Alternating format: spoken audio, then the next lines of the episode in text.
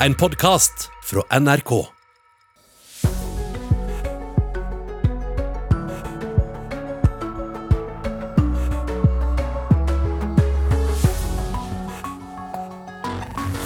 God mandag morgen, og for en morgen!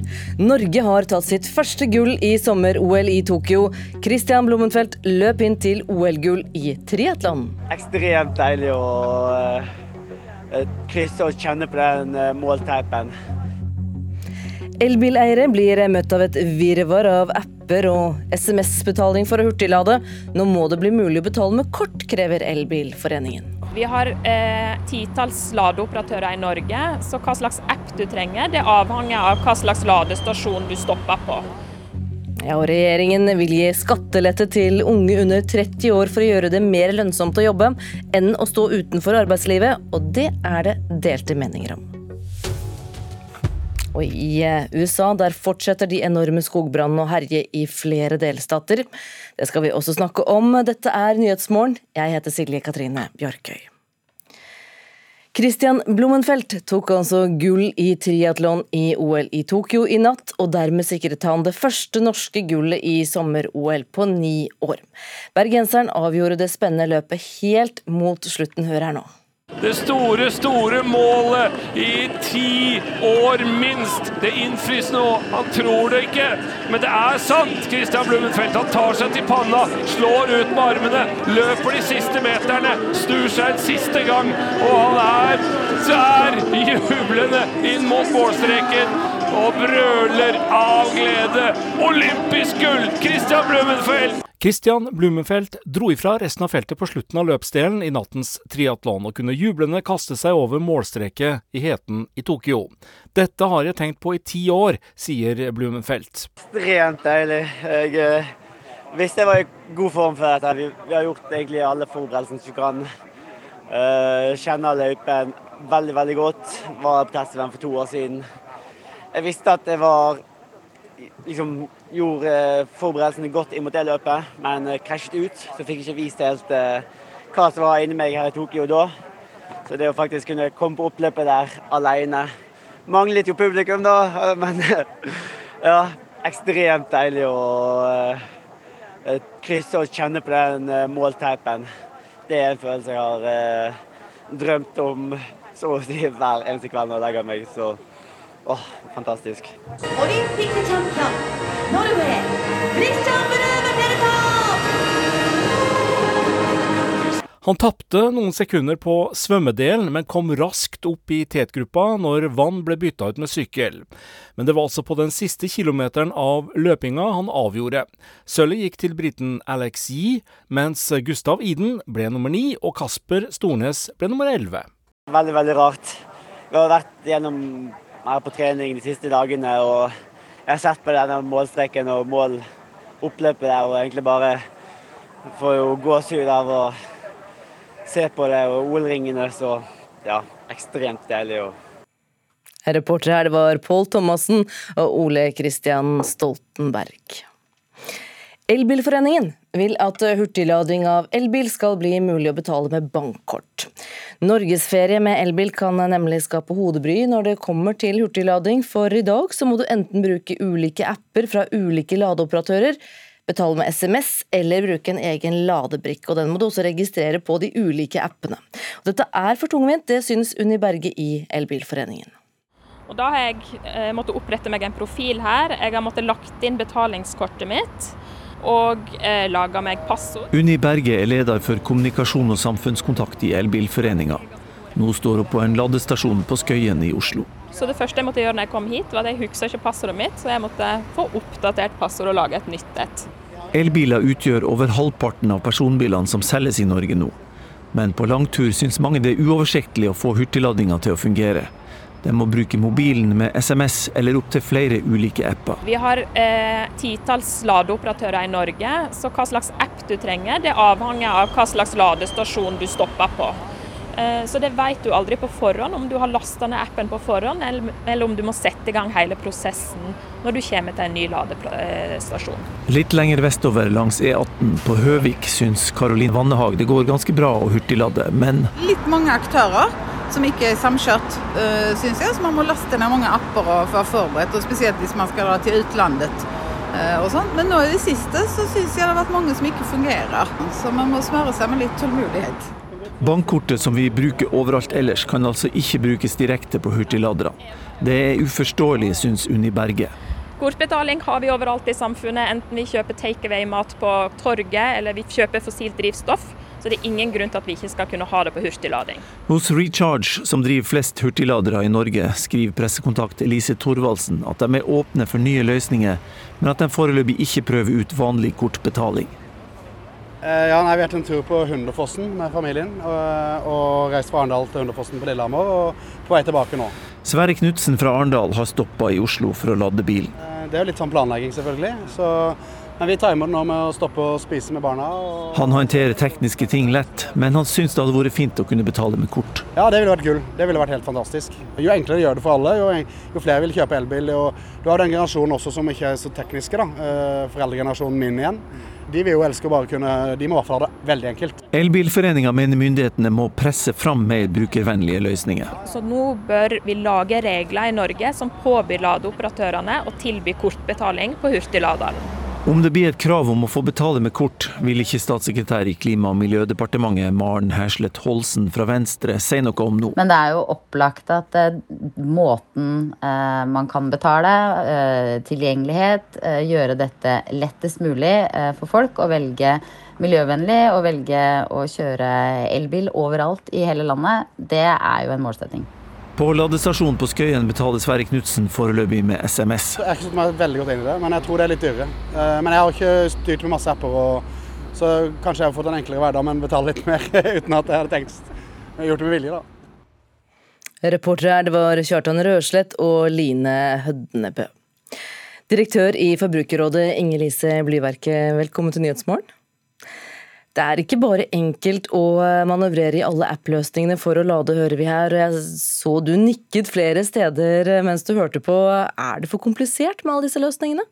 Ja, det er det jo helt uh, åpenbart, og det burde jo ikke være sånn. Men uh, det viser seg jo da at man ikke kan betale med kort, og det har vi egentlig rett til som forbrukere, å selv velge hvordan vi vil gjøre opp for oss. I tillegg så vet vi at bransjen er preget av veldig komplisert prising, noe som gjør det veldig vanskelig for oss forbrukere å sammenligne, og dermed bidra til en sunn konkurranse. Uh, og i tillegg så er det jo dette mangfoldet av app løsninger, som uh, selvfølgelig er tungvint, men som også gjør det vanskelig for oss å ha oversikt over, og kontroll. Både over økonomien i dette, men også over våre personopplysninger. Og Det burde jo ikke være noe vanskeligere å lade opp eh, elbilbatteriet enn å fylle bensintanken. Uh, så her er det en bransje som bør gå i seg sjøl. Men samtidig så er vi jo blitt veldig vant til å bruke apper, da? Ja, men det er ikke noe som skulle tilsi at vi skal måtte bruke det.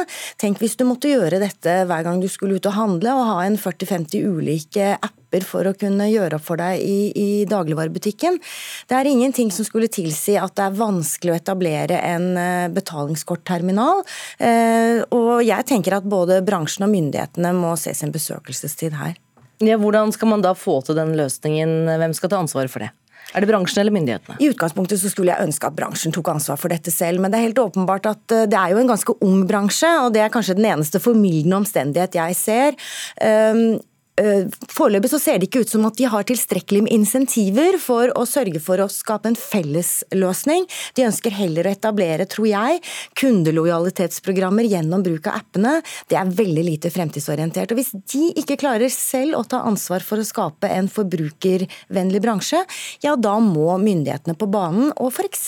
bare kreve at enhver ladestasjon skal være eh, utstyrt med et eh, betalingskortterminal. Det er ikke vanskelig, og det vil gjøre det mye mindre attraktivt egentlig for eh, operatørene å eh, utstyre seg kun med egne apper. Men hva med folk jeg regner med, har du fått noen særlige henvendelser om dette? Vi i Forbrukerrådet får veldig mange henvendelser fra forbrukere som er fortvilt og frustrert over mangfoldet av apper og betalingsløsninger her og på andre områder. Og Senest i forrige uke så henvendte en meget oppgående eldre mann seg til meg som ønsket å ta et bærekraftig valg, hadde gått til innkjøp av elbil, men som begynte å oppleve et stort stress når han skulle ut på litt lengre turer, nettopp pga. ikke bare rekkeviddeangst som vi kjenner til, men denne floraen av apper som han ikke klarte å få oversikt over. Men nå sier jo du at vi har, vi har krav på å betale for å gjøre opp for oss som vi ønsker, så lenge vi gjør opp, da. Eh, og at det ikke er så vanskelig. Men er det dyrt? Er det det som gjør at eh, vi ikke får kortmuligheten? Det må jo nesten eh, bransjen selv eh, svare for. De virker veldig defensive i, eh, i, innslaget her. Jeg tror dette handler om en ung bransje som ikke helt har forstått at de er nødt til å gjøre det eh, helt mainstream, eller gjøre det enkelt for enhver forbruker å bidra. Men dere i Forbrukerrådet dere ja, får jo høre fra veldig mange folk eh, og gir råd. Hva vil du anbefale folk eh, at de gjør da, før de legger ut på norgesferie med, med elbil? De kan bruke reiseplanleggere på de ulike foreningene og organisasjonene sine hjemmesider, sånn som Elbilforeningen. Der kan du planlegge reisen din og sørge for at du i hvert fall ikke får rekkeviddeangsten eh, altfor sterk. Og I tillegg så har både NAF og Elbilforeningen utviklet prissammenligningstjenester som gjør at det i hvert fall sånn sett er, er enklere å få en oversikt. Og så skal jeg i Forbrukerrådet, vi skal love at vi sammen med Elbilforeningen og andre eh, skal utøve et press mot både myndigheter og bransje, sånn at vi satser på at vi neste sommer kan ha en en bedre og enklere løsning for oss forbrukere. Takk skal du ha, Inger Lise Blyverke, direktør i Forbrukerrådet.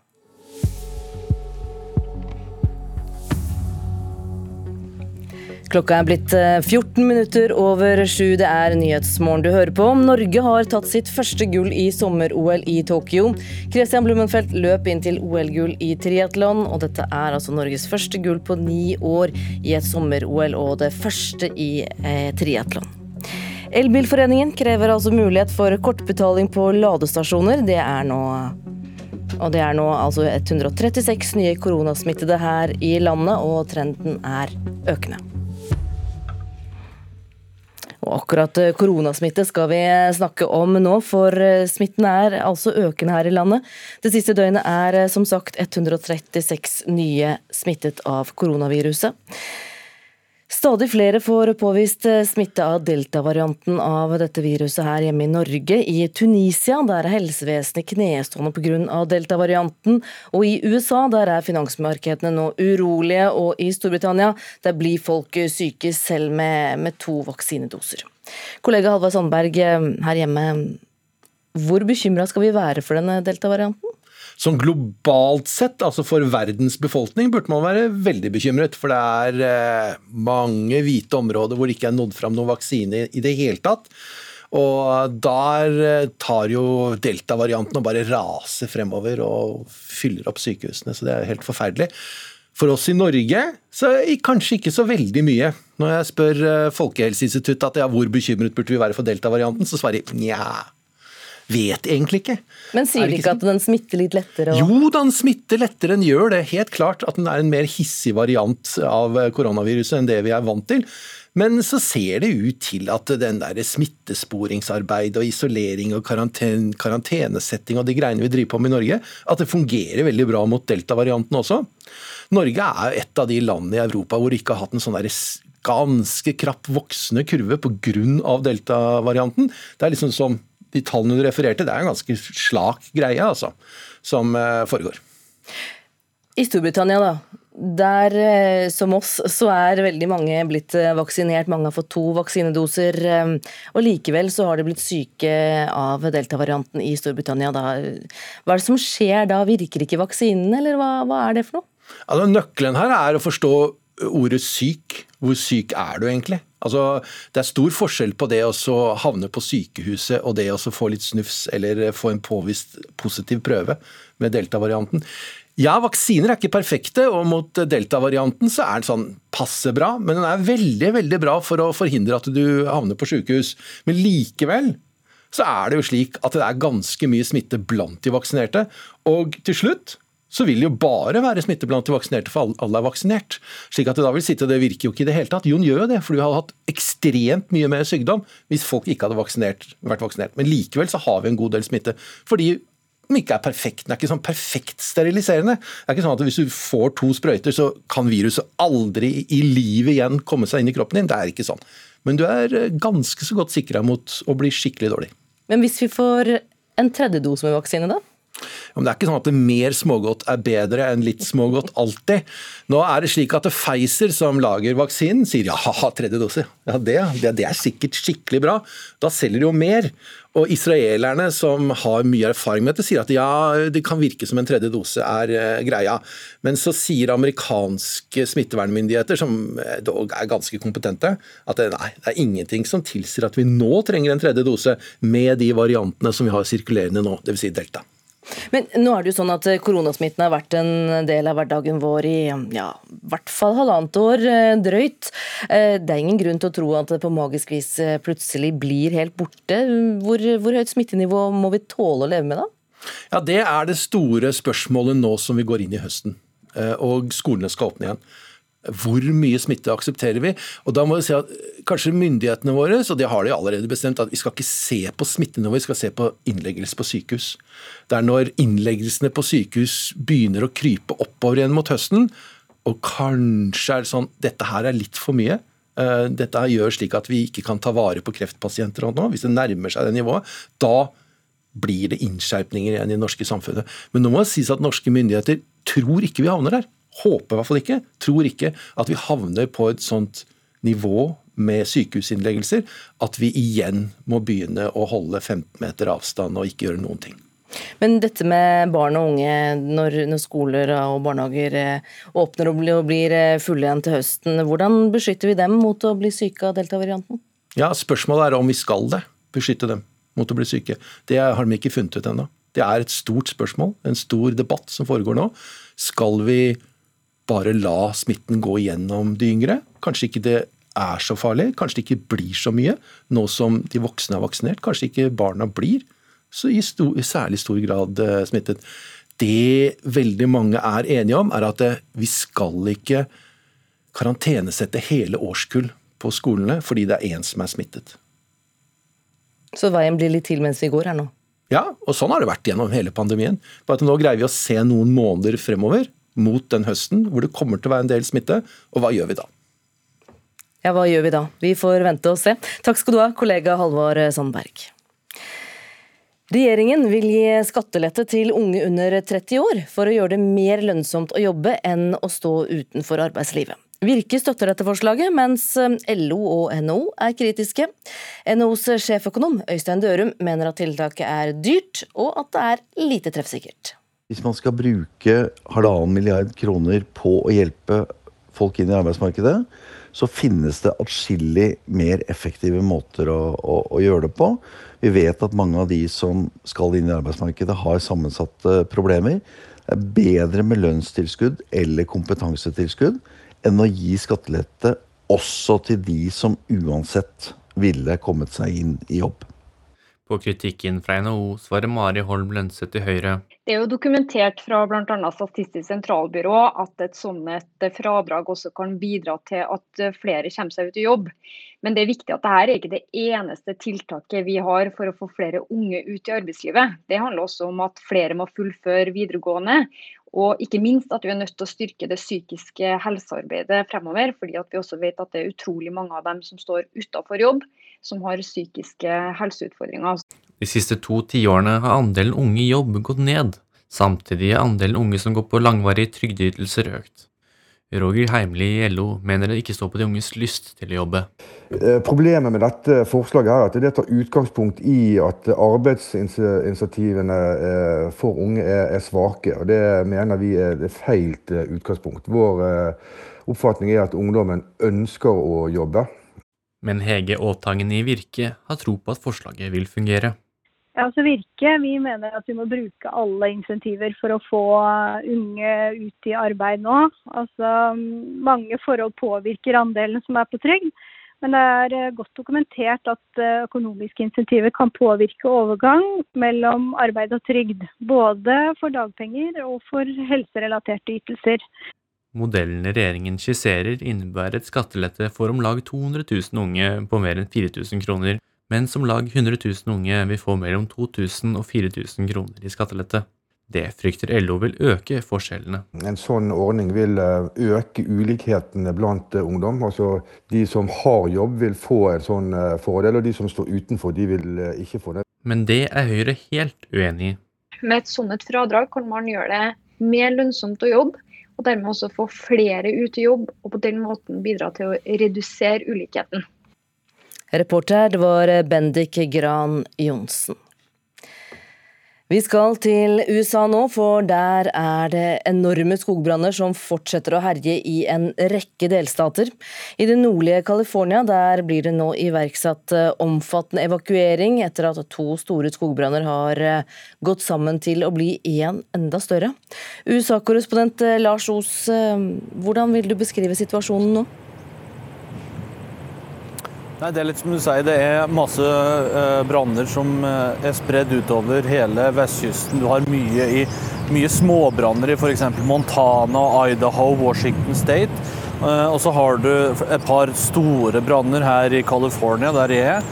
Eh, og I tillegg så har du den bootleg-brannen som er i Oregon, som regnes nå som den aller største. Den tredje største i Oregon-delstatens historie. og det der kommer det òg røk eh, som går helt eh, til Norge. Så det er totalt 86 eh, branner som er spredd utover tolv delstater. Det er over 22 000 brannkonstabler fra hele USA som har samla seg og spredd seg utover for å prøve å forsvare dette. Og da har allerede brønnene over 6000 kvadratkilometer med for det meste skog. Hvor er det situasjonen er verst? Nei, Akkurat nå så er det ganske kritisk nord i eh, California. Det er en brann som heter Dixie, som ble kalt Dixie. Der var jeg for to dager siden, og så prata en god del med eh, evakuerte. og De eh, er nå redd for at den brannen skal fortsette nordover til en liten by som heter Chester. De prøver jo så godt de klarer for å eh, prøve å, å stoppe brannen helt, men det er veldig vanskelig, for det er veldig tørt. Og det er veldig mye vind som kommer innover. Men så ser vi f.eks. oppe i Oregon at de begynner å få litt mer kontroll på denne enorme brannen. Som for det meste òg har brønner bare i, eh, i skøgen og ikke i noe tettbebygd strøk eller inn mot noen byer eller tettsteder. Ja, Som du sa, så er det jo eh, store, store brannstyrker med brannmannskaper som er ute for å hjelpe til med slukking. Hva er det de største utfordringene de møter på? De møter jo på eh, de eh, enorme brannene, egentlig. For det er jo store områder der er snakk om. Og de er nødt til å spre seg utover. De er nødt til å bruke store ressurser på å lage branngater. og Eh, I det denne små fjellveien som jeg har kjørt, så har jeg sett veldig mye tungt utstyr. Altså bulldosere, eh, skøksmaskiner som kommer inn for å eh, ta unna og rydde mye skøg. Dette er veldig krevende. og mange politi, nei, brannkonstabler jobber i 12- og 16 timers skift to uker Eh, i sløngen, og så får de litt, litt, fri, mens de da kommer tilbake. Så det, det tærer jo veldig på mannskapet, for at det rett og slett er mye å gjøre. Nå er det jo ikke helt uvanlig med branner i California, det er et uh, årlig fenomen. Men i år så kommer brannene mye tidligere enn de pleier. Hva er grunnen til det? Det er nok rett og slett fordi at uh, tørka har starta tidligere. Eh, det har vært veldig kraftige hetebølger som har kommet inn ganske tidlig. Eh, I 2015 så var det en kjempetørke som ble avslutta i California-området. Og i tillegg, i 2011 så var det også enormt mye. Men bort, hvis du ser bort fra de to eh, årene, så er det ganske ille i år òg, eh, hvis du ser på tallene. Eh, men eh, det er veldig vanskelig å se hvordan dette skal utvikle seg i år, rett og slett fordi at eh, det ser ikke ut som det blir noe mye bløtere fremover. Det er tørr vind, det er kald, kald eller unnskyld, det er varm vind. Og det, og det er generelt tørke hele, på hele vestkysten. Takk skal du ha, USA-korrespondent Lars Os. Ja, Pandemier og skogbranner det er eh, fenomener som vi begynner å bli vant til å forholde oss til nå, men som også skaper stor bekymring. Og det igjen, det gir inspirasjon bl.a. til film. Verdens undergang er blitt eh, til et vanlig tema i filmer og i videospill og bøker, og det er helt naturlig siden klimakrise, flom og pandemi fyller hverdagen vår, sier NRKs spillanmelder. Men så spørsmålet er hvorfor vi vil se verden gå under når vi skal slappe av. The end is coming. The nuclear power hvordan hadde jeg klart å overleve i en sånn verden? Hadde jeg klart å drepe for å overleve? Hadde jeg klart å overleve i en verden som på en måte har blitt redusert til survival of the fittest? Det spørsmål anmelder i P3s Filmpoliti, Marte Hedenstad og mange andre stiller seg selv når de ser på filmer, TV-serier, spiller videospill eller leser bøker som tilhører den postakapolyptiske verden. Men hva er det egentlig med sjangeren som fenger så mange? Spillanmelder i NRK, Rune Fjell Olsen, tror et ønske om mindre lover og regler frister mange. Jeg tror det handler mye om en litt sånn grunnleggende lengsel etter uh, å leve i et samfunn hvor, uh, hvor, alt er på en måte tillatt. Filmen 'Contagion' fra 2011, som handler om et dødelig influensavirus som sprer seg i verden og dreper millioner av mennesker, returnerte til topplistene over de mest sette filmene da verden stengte ned pga. koronapandemien i fjor. Jeg tipper at det er et slags snev av forberedelse i det. Sånn se hvor ille kan du gå, hva skjer hvis det går så ille?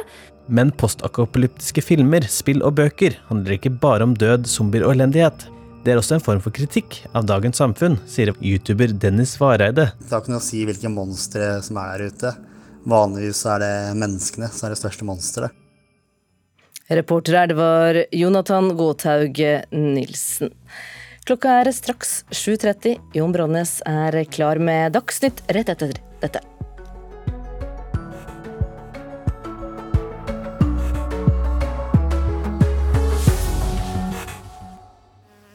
Sommer i P2. Det sies at Edens hage lå i Jemen, og at honning derifra kan kurere alt.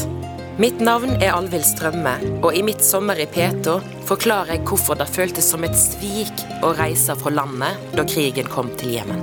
Sommer i P2 i dag klokka ni.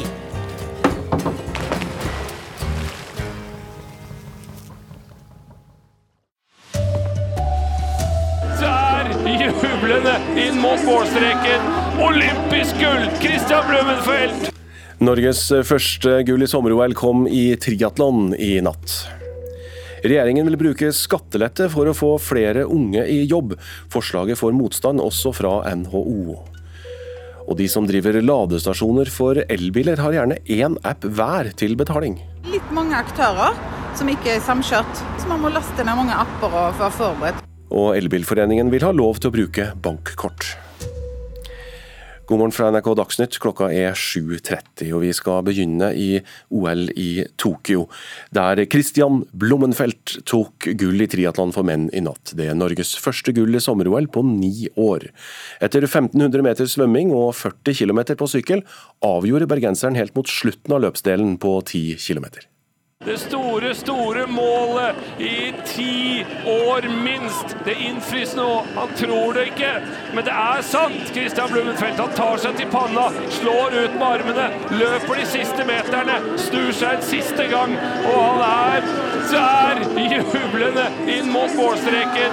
Christian Blummenfelt dro ifra resten av feltet på slutten av løpsdelen i nattens triatlon, og kunne jublende kaste seg over målstreket i heten i Tokyo. Dette har jeg tenkt på i ti år, sier Blumenfelt. Rent deilig. Jeg eh, visste jeg var i god form for dette. Vi, vi har gjort egentlig alle forberedelsene vi kan. Uh, kjenner løypen veldig, veldig godt. Var på test-VM for to år siden. Jeg visste at jeg var liksom gjorde eh, forberedelsene godt inn mot det løpet, men eh, krasjet ut. Så fikk jeg ikke vist helt hva som var inni meg her i Tokyo da. Så det å faktisk kunne komme på oppløpet der alene Manglet jo publikum, da, men ja. Ekstremt deilig å uh, krysse og kjenne på den uh, målteipen. Det er en følelse jeg har drømt om så å si hver eneste kveld når jeg legger meg. så Åh, fantastisk. Han tapte noen sekunder på svømmedelen, men kom raskt opp i tetgruppa når vann ble bytta ut med sykkel. Men det var altså på den siste kilometeren av løpinga han avgjorde. Jeg har sett på denne målstreken og måloppløpet der, og egentlig bare får jo gåsehud av å se på det og OL-ringene, så ja, ekstremt deilig. Sa Christian Brummenfelt. Reporter var Pål Thomassen og kommentator under løpet Ole Christian Stoltenberg. For øvrig ble Gustav Iden nummer åtte og Kasper Stornes nummer elleve.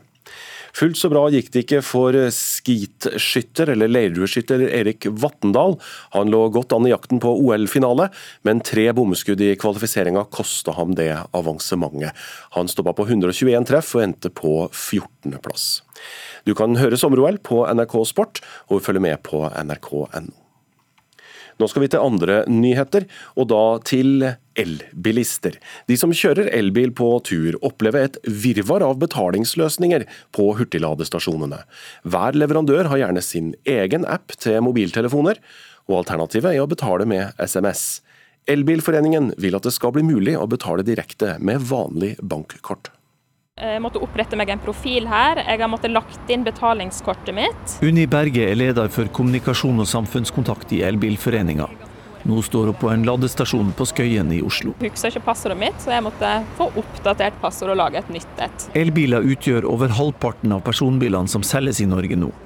Men på langtur syns mange det er uoversiktlig å få hurtigladinga til å fungere. Nå bør vi lage regler i Norge som påbyr ladeoperatørene å tilby kortbetaling på hurtigladeren. På Høvik syns Karolin Vannehag det går ganske bra å hurtiglade, men Litt mange aktører som ikke er samkjørt, så man må laste ned mange apper og være forberedt. Hos Recharge, som driver flest hurtigladere i Norge, skriver pressekontakt Elise Thorvaldsen at de er åpne for nye løsninger, men at de foreløpig ikke prøver ut vanlig kortbetaling.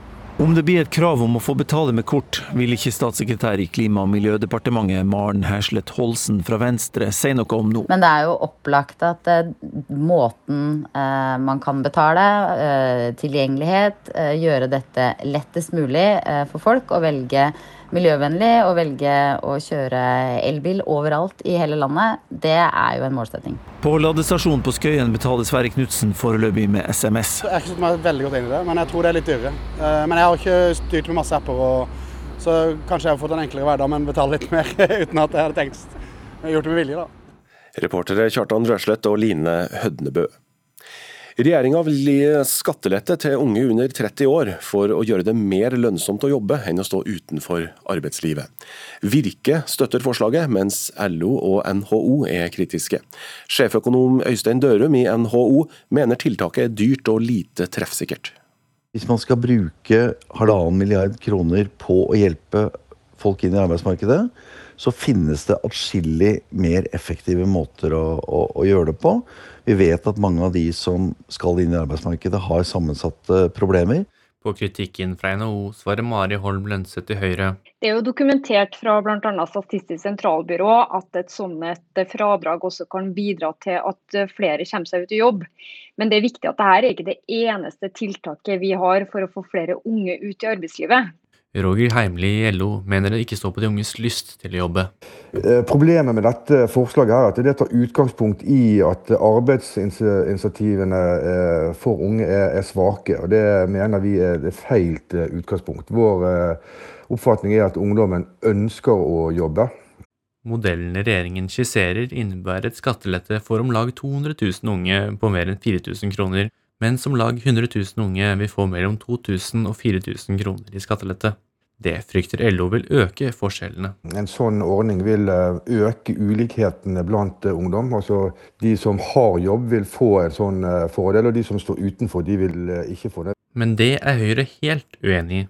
Med et sånt fradrag kan man gjøre det mer lønnsomt å jobbe, og dermed også få flere ut i jobb, og på den måten bidra til å redusere ulikheten. Det sa stortingsrepresentant Mari Holm Lønseth i Høyre, og reporter i dette innslaget var Bendik Gran Johnsen. I USA fortsetter store skogbranner å herje i flere delstater. Nord i California blir mange evakuert etter at to store skogbranner har gått sammen til én. Og vår korrespondent Lars Os sier det fortsatt er tørt og mye vind. Det er totalt eh, 86 eh, branner som er eh, spredd utover 12 delstater. Det er over 22 000 brannkonstabler fra hele USA som har samla seg og spredd seg utover for å prøve å forsvare dette. Og da har allerede brønnene over 6000 kvadratkilometer med for det meste skog. Nei, Akkurat nå så er det ganske kritisk nord i eh, California. Det er en brann som heter Dixie, som ble kalt Dixie. De eh, prøver jo så godt de klarer for å eh, prøve å, å stoppe brannen helt, men det er veldig vanskelig, for det er veldig tørt. Og det er veldig mye vind som kommer innover. I Frankrike jobber over 1000 mannskaper med å slukke en større skogbrann sør i landet. Siden lørdag er rundt 8,5 kvadratkilometer svidd av mellom byene Narbonne og Carcassonne. Sveinung Rotevatn tror ikke Venstre hadde gjort det bedre på meningsmålingene dersom han hadde blitt partileder. Venstre sliter på målingene, også i Hordaland, der klima- og miljøministeren er toppkandidat. Rotevatn har likevel god tro på at han får stortingsplass fra høsten. Ja, det tror jeg. Men jeg vet at det ikke kommer av seg sjøl. Jeg vet at vi må litt over 4% i Hordaland for at jeg skal få det mandatet, og at på målingene nå ligger vi eh, litt under 4.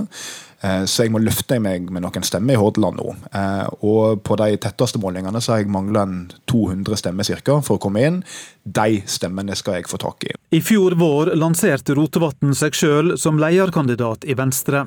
Han snakka om et potensial på 10% oppslutning for partiet. I NRKs supermåling for juni var status 2,7. Folk eh, skal velge meg som leder i Venstre hvis de tror at jeg er den som best kan målbære verdiene til Venstre, de viktige sakene, få gjennomslag i regjering og vinne valg. Jeg tror jeg skal klare den jobben. Du ville bli leder, du måtte nøye deg med å bli nestleder. Ville det gått bedre for Venstre, tror du, dersom det var du som hadde fått ledervervet? Nei, fordi jeg syns Guri Melby gjør en veldig god jobb. Eh, hun har gjort en strålende jobb som kunnskapsminister. Eh, og så eh, tror jeg at vi eh, skal vinne dette valget, og det gjør vi ikke minst fordi vi jobber veldig godt sammen. Rotevatn forklarer den lave oppslutninga slik. Altså jeg tror at Det har vært noen år nå med en del uro rundt partiet. Ikke sant? Vi har vært i opposisjon, vi har vært i regjering med ulike sammensetninger, vi har skifta partileding. Eh, og jeg tror at Det det handler om nå, er å få venstrevelgerne trygge i trua igjen på at det å stemme Venstre, som de gjorde sist, det bør de gjøre igjen. Og Det er den jobben vi nå har i tida framover. Og det er jo ingen tvil om at det blir en tøff jobb, fordi målingene er ikke så gode som de burde være. Men jeg er optimist. Vi har klart det før, og vi skal klare det. Klima- og miljøvernminister Sveinung Rotevatn er gjest i Politisk sommerkvarter i NRK P2 klokka 7.45. Intervjuer her var Eivind Molde. Ansvarlig for NRK Dagsnytt er Jakob Hildrum. Navnet mitt er Jon Branes.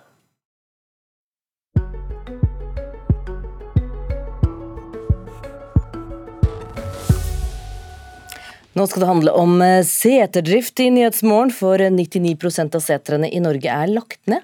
Det er bl.a. fordi det er blitt for vanskelig og lite lønnsomt å bruke setrene som, som før for de bøndene som har beitedyr. Dyrene har også blitt så mange at det er vanskelig å få plass på setrene. Men seterdrift er viktig bl.a.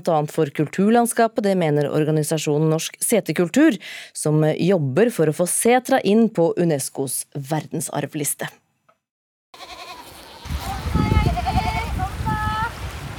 Anneli Rystad Aune fra Oslo speider etter geiter i de bratte skrentene i misvær. Hun er budeie på en gård i sommer. Det er en sommerjobb hun har ønsket seg lenge. Jeg skal eh, passe på denne flotte gjengen med geiter i hele sommer og melke de hver morgen og hver kveld. Aller helst skulle Anneli vært budeie på setra, men det var ikke så lett. Det er nemlig nesten ingen setre igjen i Norge. 99% av de setrene vi en gang hadde, finnes ikke mer. I Nordland er det bare ni setre igjen. Men det er krefter som jobber mot at setra forsvinner. Seterkulturen er jo veldig viktig. Det er mange hundre år gammel tradisjon. Og nå er den i ferd med å forsvinne, for det er veldig mange setre som legges ned. Det sier Hege Hovd. Hun leder prosjektet for norsk seterkultur med å få norsk seterdrift inn i Unesco sin liste om immateriell kulturarv. Som en del av å prøve å ta vare på den kulturen, så ønsker vi å søke den inn på den lista for at den skal få mer oppmerksomhet, mer status. Og da blir samfunnet og Norge mer forplikta til å ta vare på den. Seterdrifta er historisk sett en måte å utnytte ressursene vi har, fullt ut. Beitene på fjellet kan ikke brukes til å dyrke mat, men geitene kan spise gresset og samtidig sørge for at kulturlandskapet ikke gror igjen, forklarer Hovd. Sætra er i stor grad tilpassa de mindre og mellomstore brukene. Da må de fortsatt kunne ha livets rett for å overleve økonomisk. Så det seterbrukerne sier sjøl, er at det er nødvendig både med økt setertilskudd, og du må ha mulighet til å kunne gjøre investeringer både på mindre bruk og på seterne for å kunne overleve i framtida. Geitene som Anneli i Misvær passer på, gikk tidligere på en fellesseter. I takt med landbrukspolitikken har bonden som eier geitene, økt bestanden. Og nå er det ikke lenger plass til de 250 geitene på setra. En stor grunn til at uh, seterdrifta forsvinner, det er at uh, gårdsbrukene må bli større og større for å måtte, overleve økonomisk. Og da er det veldig fort gjort å slutte med seterdrifta. Og 23 år gamle Anneli i Misvær er en av dem som kanskje skal bli fremtidens eh, jordbrukere. I fremtiden ønsker hun seg både gård og seter. Det er jo for å prøve å utnytte de ressursene vi har på en bærekraftig måte, der man ikke overutnytter ressursene og prøve å leve mest mulig intakt med naturen. Både hvis vi skal være mest mulig selvforsynte, men også på tanke på å holde kulturlandskapet og biologisk mangfold ved like og sånt, så er det jo viktig å utnytte de beiteområdene og sånt vi allerede har. Ja, norsk eh, seterkultur søker også om å få norsk seterdrift inn på verdensarvlisten i eh, januar 2023. Hvis søknaden går gjennom og kommer på listen, så vil det forplikte Norge til å satse mer på seterdrift i fremtiden. Reporter i denne saken, det var eh, Sofie Olaisen.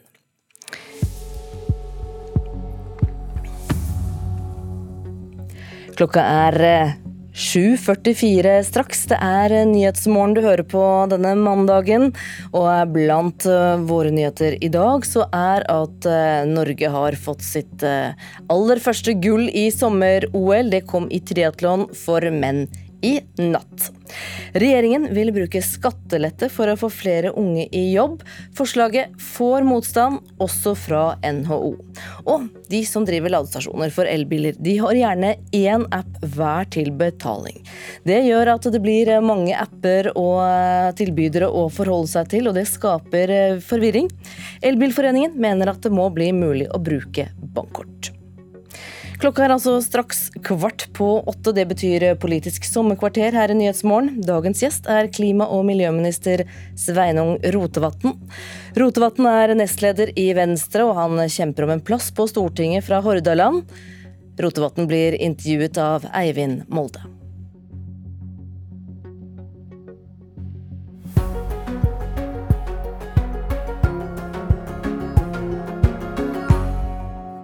Sveinung Rotevatn, klima- og miljøminister og førstekandidat for Venstre i Hordaland. Hva driver du med i sommer? I sommer så jobber jeg eh, på litt ulike måter. Eh, en av tingene jeg har gjort, er jo at jeg har reist rundt nå i et par uker og besøkt norske nasjonalparker, som jeg jo er så heldig å ha ansvar for som klima- og miljøminister. Så da har jeg vært innom ti nasjonalparker, både i nord og i sør og vært på den ytterste fjellodde og den innerste djupeste skog. Eh, og det har vært både veldig nyttig eh, og veldig kjekt. Hva er din favorittaktivitet sommerstid? Ja, det er jo egentlig veldig mange. Altså, Jeg liker jo å eh, fiske aure, og jeg liker å spille golf og gå i fjellet. Bit laksen? Ja, Laksen har bitt i vår når jeg har vært på laksefiske, og aura har bitt sånn noenlunde når jeg har fått gjort det. Uh, og det er jo, må jeg si, en veldig kjekk aktivitet. Altså Det å stå og fiske, da får du samla tankene litt. Du får ned hvilepulsen, og du føler deg det er litt sånn klisjé, kanskje, men du, du føler deg litt i ett med naturen. altså, Når du står der, og det er deg og fisken, og uh, så får en se hvem som vinner.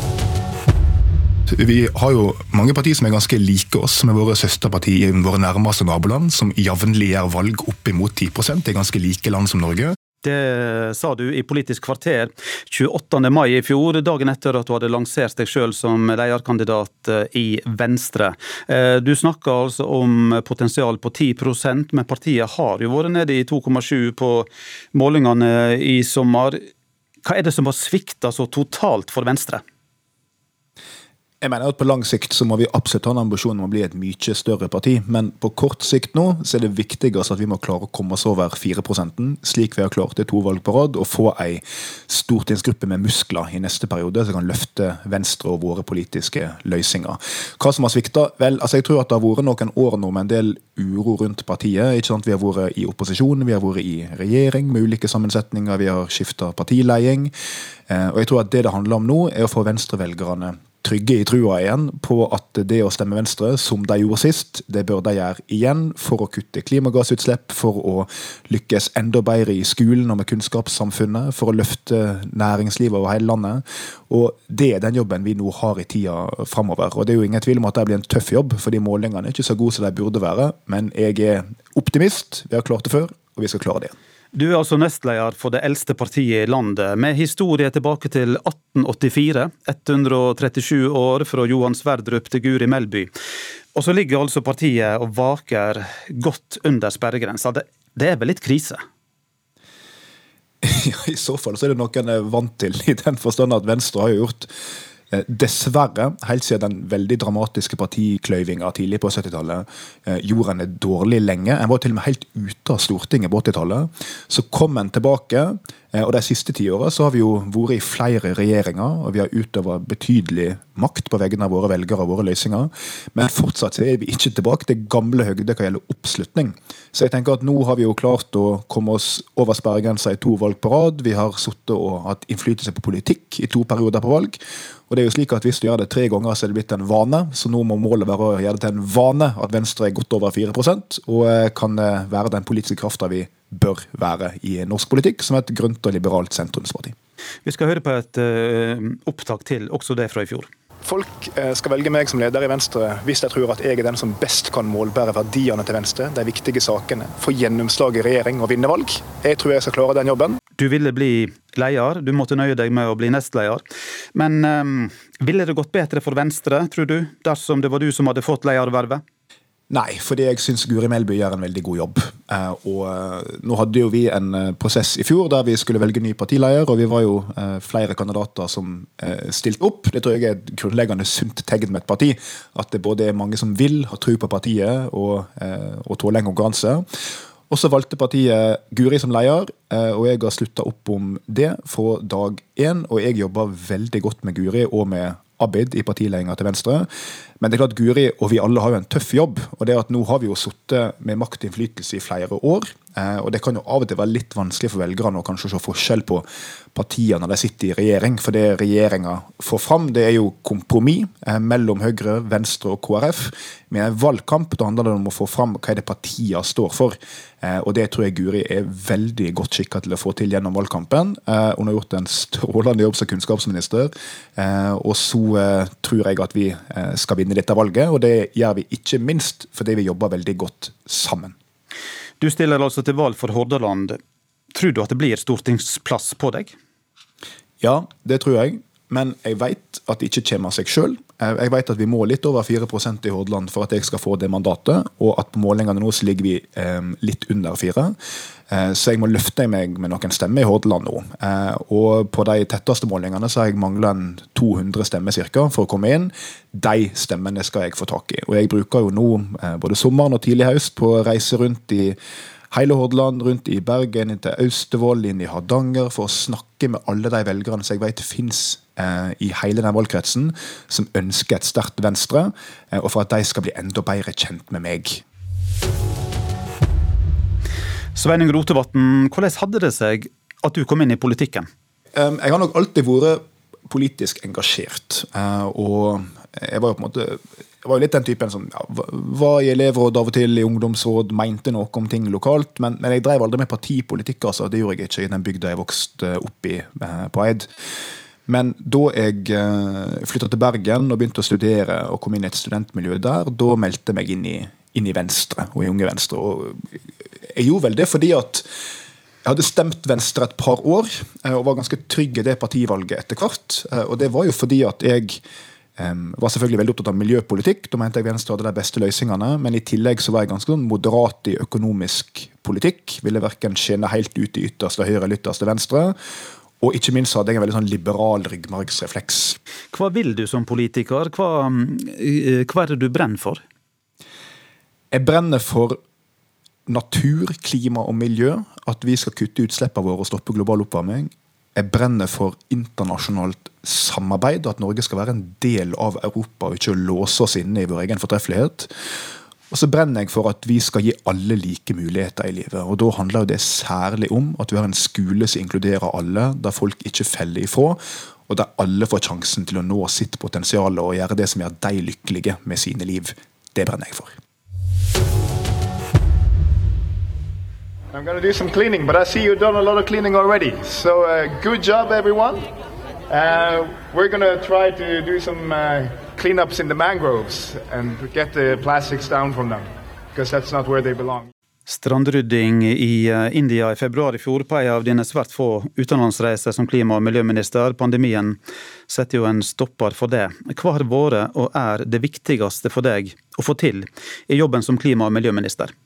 Nei, Det viktigste for meg er jo å være den personen i eh, regjeringa som alltid prioriterer natur, miljø, klimasaker. Eh, nå er det heldigvis mange andre som også gjør det, og som jeg spiller godt på lag med, men det er klart jeg er den som skal stå opp for å sørge for at vi ikke driver rovdrift på naturen, men tar vare på den, og at vi skal kutte klimagassutslipp i alt vi gjør. Eh, og selv om det selvsagt er en tøff jobb, og det er mange ulike næringsinteresser og andre ting som alltid presser på, så vil jeg si at vi lykkes godt i den forstand at klimagassutslippene i Norge nå går nedover. Det har gått ned i fem år på rad. Vi har forsterka klimamålet vårt, og vi har lagt en tydelig plan for hvordan denne regjeringa skal kutte utslippene i åra framover. Men når regjeringa sitter samla rundt bordet og gjør vedtak om å lyse ut nye blokker for olje- og gassleiting, er det da slik at du rekker opp handa og, og kommer med innvendinger?